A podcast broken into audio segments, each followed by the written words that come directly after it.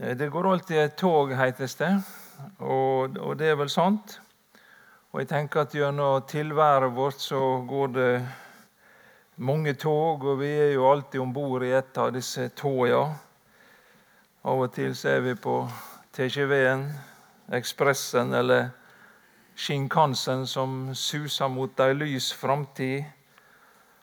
Andre ganger er vi på et skrangletog og føler at tunnelen aldri tar slutt.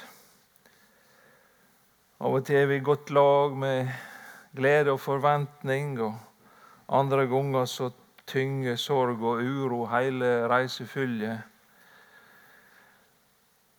Og andre ganger så kjennes livet bare som ei sånn grå transportetappe.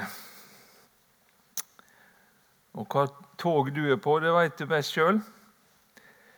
Men i en forsamling som dette så er det nok mange linjer og spor som går og krysser hverandre. Og Slik var det nok også i den forsamlinga som Jesus var i, i denne sabbaten eh, som vi skal eh, lese om for nesten 2000 år siden.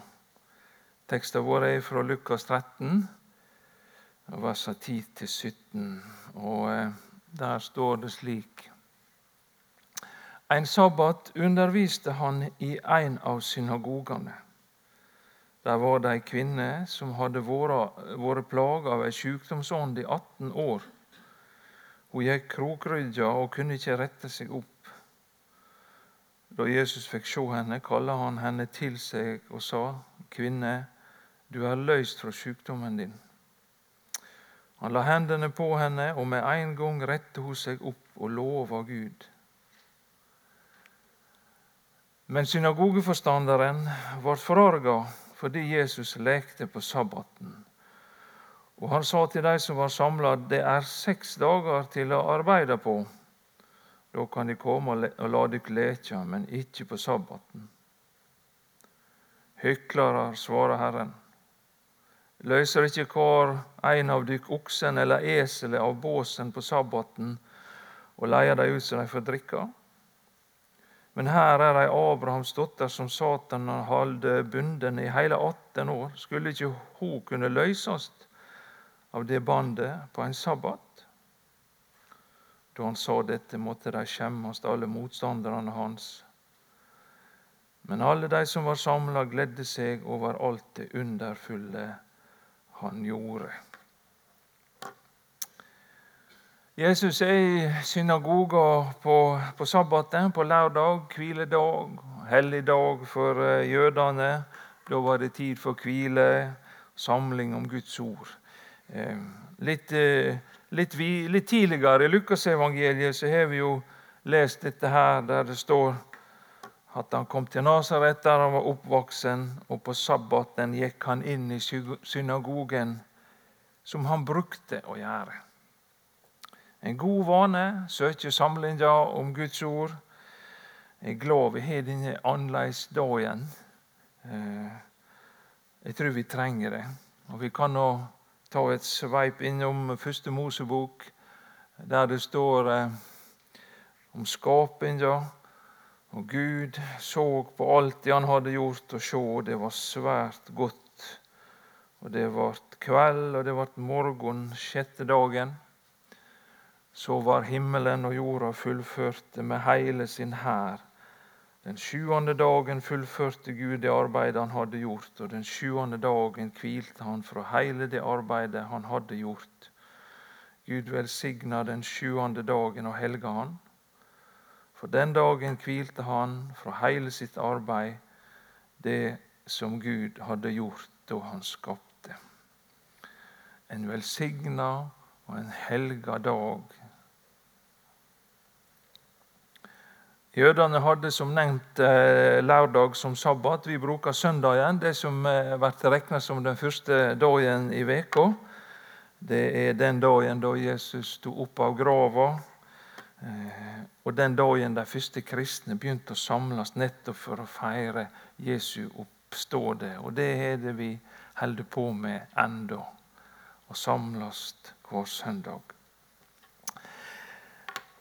Vi må inn på sporet igjen. Vi har jo snakka om tog før. ikke sant? Og nå er det viktig at vi kommer inn på sporet. Jesus fikk altså lov å undervise i synagoga, og dette her, og så er det denne kvinna som er der. Eh, hun satt på dette sykdomstoget, og det går jevnt og trutt og har alltid mange passasjerer. Eh, hun satt nok i lag med de andre kvinnene, for menn og kvinner satt jo ikke i lag i synagoga. Kvinnene var mer tilbaketrukket. Men Jesus han ser henne likevel. Han er en som ser. Plaga av ei sjukdomsånd og har vært det lenge, står det, i 18 år. Det er lenge. Hun gikk krokrygga. Hva det var, dette her, det er kanskje noe sånn bektrevslignende. Noen sykdommer er jo slik at det fører til en sånn utvikling. Og klart at Utvalget av medisin og muligheter sånn, det var jo veldig begrensa denne tida der. De kanskje, la kanskje merke til at uh, Lukas bruker dette ordet 'sjukdomsånd'. Ikke sant? Jeg tror ikke vi skal tenke veldig annerledes enn dette er en sykdom som preger denne kvinna, både fysisk og psykisk, som sykdom som regel gjør med oss. Hvis Visst er det ånder og demoner i sving, og Jesus jager ut mange av dem, men da kommer det tydelig fram. I vår tekst er det ikke slik. Her handler det om sykdom, ikke noe annet. Men også her griper Jesus inn med makt og med myndighet. Han legger sine mektige, lekende, kjærlige hender på denne kvinna, og så blir hun løst ifra sykdommen sin og lovsangen stiger. Gud er god. Da skulle en tro alt var vel, men så er det ikke. Det kommer reaksjoner. Og Synagogeforstanderen, han som sitter på alt på stell, toget, eh, han blir forarga. Det er seks dager til arbeidet på, da kan de komme og la dere leke, men ikke på sabbaten, sier han. Tolkningen av sabbatsbudet hadde på denne tida fått et veldig sånn forbudspreg. Det er mye som ikke var lov.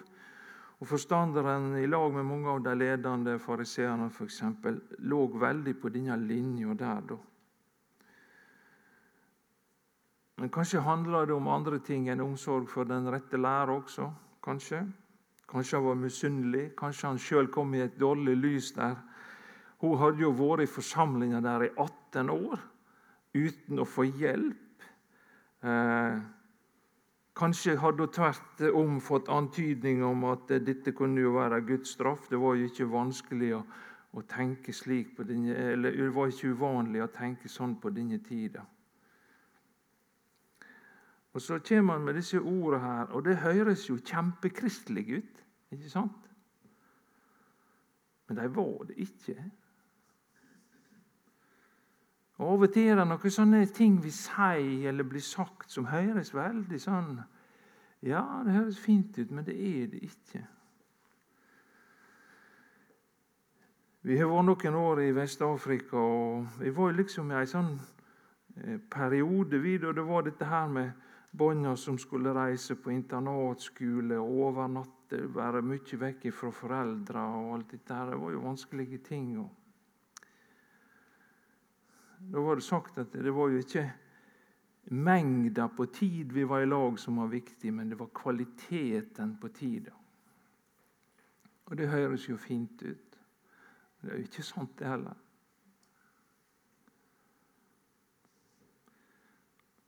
Da William Carey ville, kjente på kallet til å reise til India for å fortelle mennesket om Jesus eh, for han som ble starten på den store misjonsbevegelsen som starta på slutten på 1700-tallet.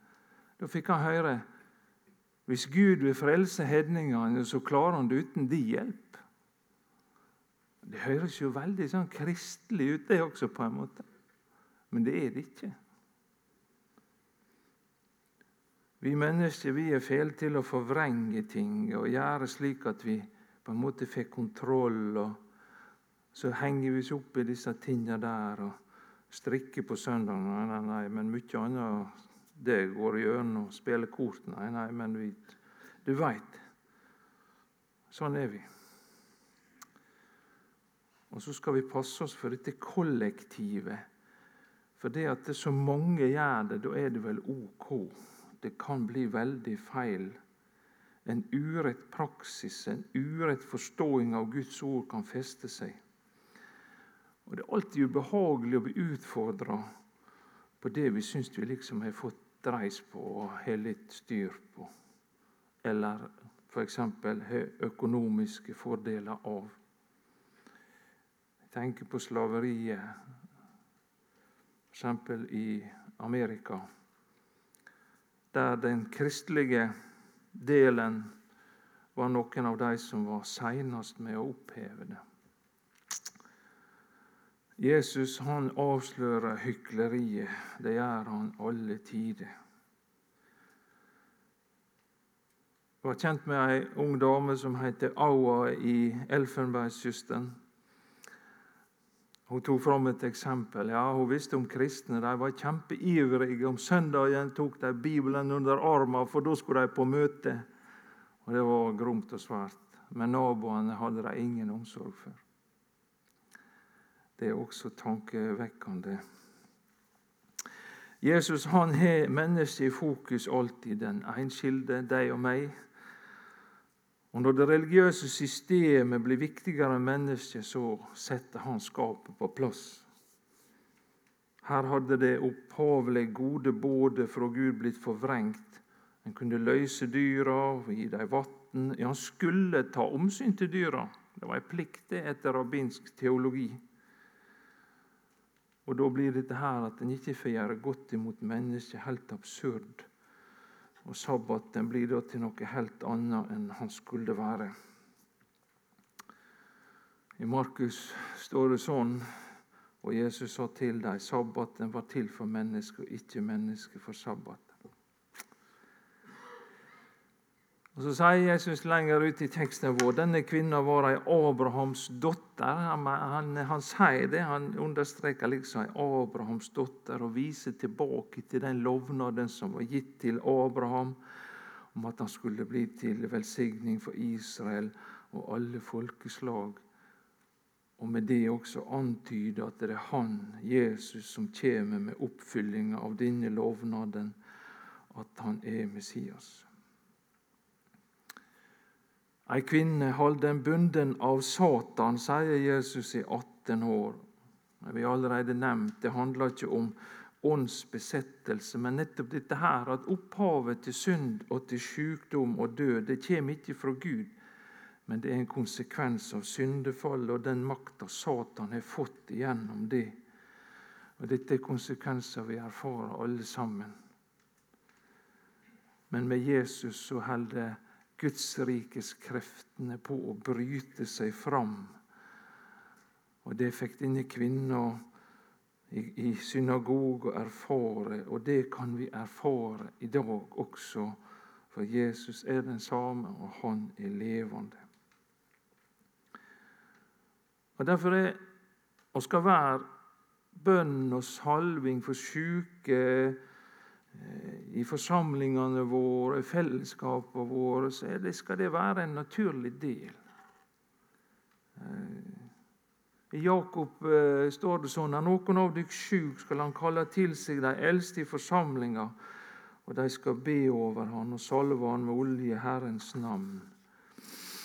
Og nådegåvene, sier Paulus, i kyrkja har Gud for det første sett noen til apostler, for det andre profeter, for det tredje lærere, deretter gåver til å gjøre mektige gjerninger, deretter nådegåver til å leke, til å hjelpe, til å leie og til å tale i ulike tunger.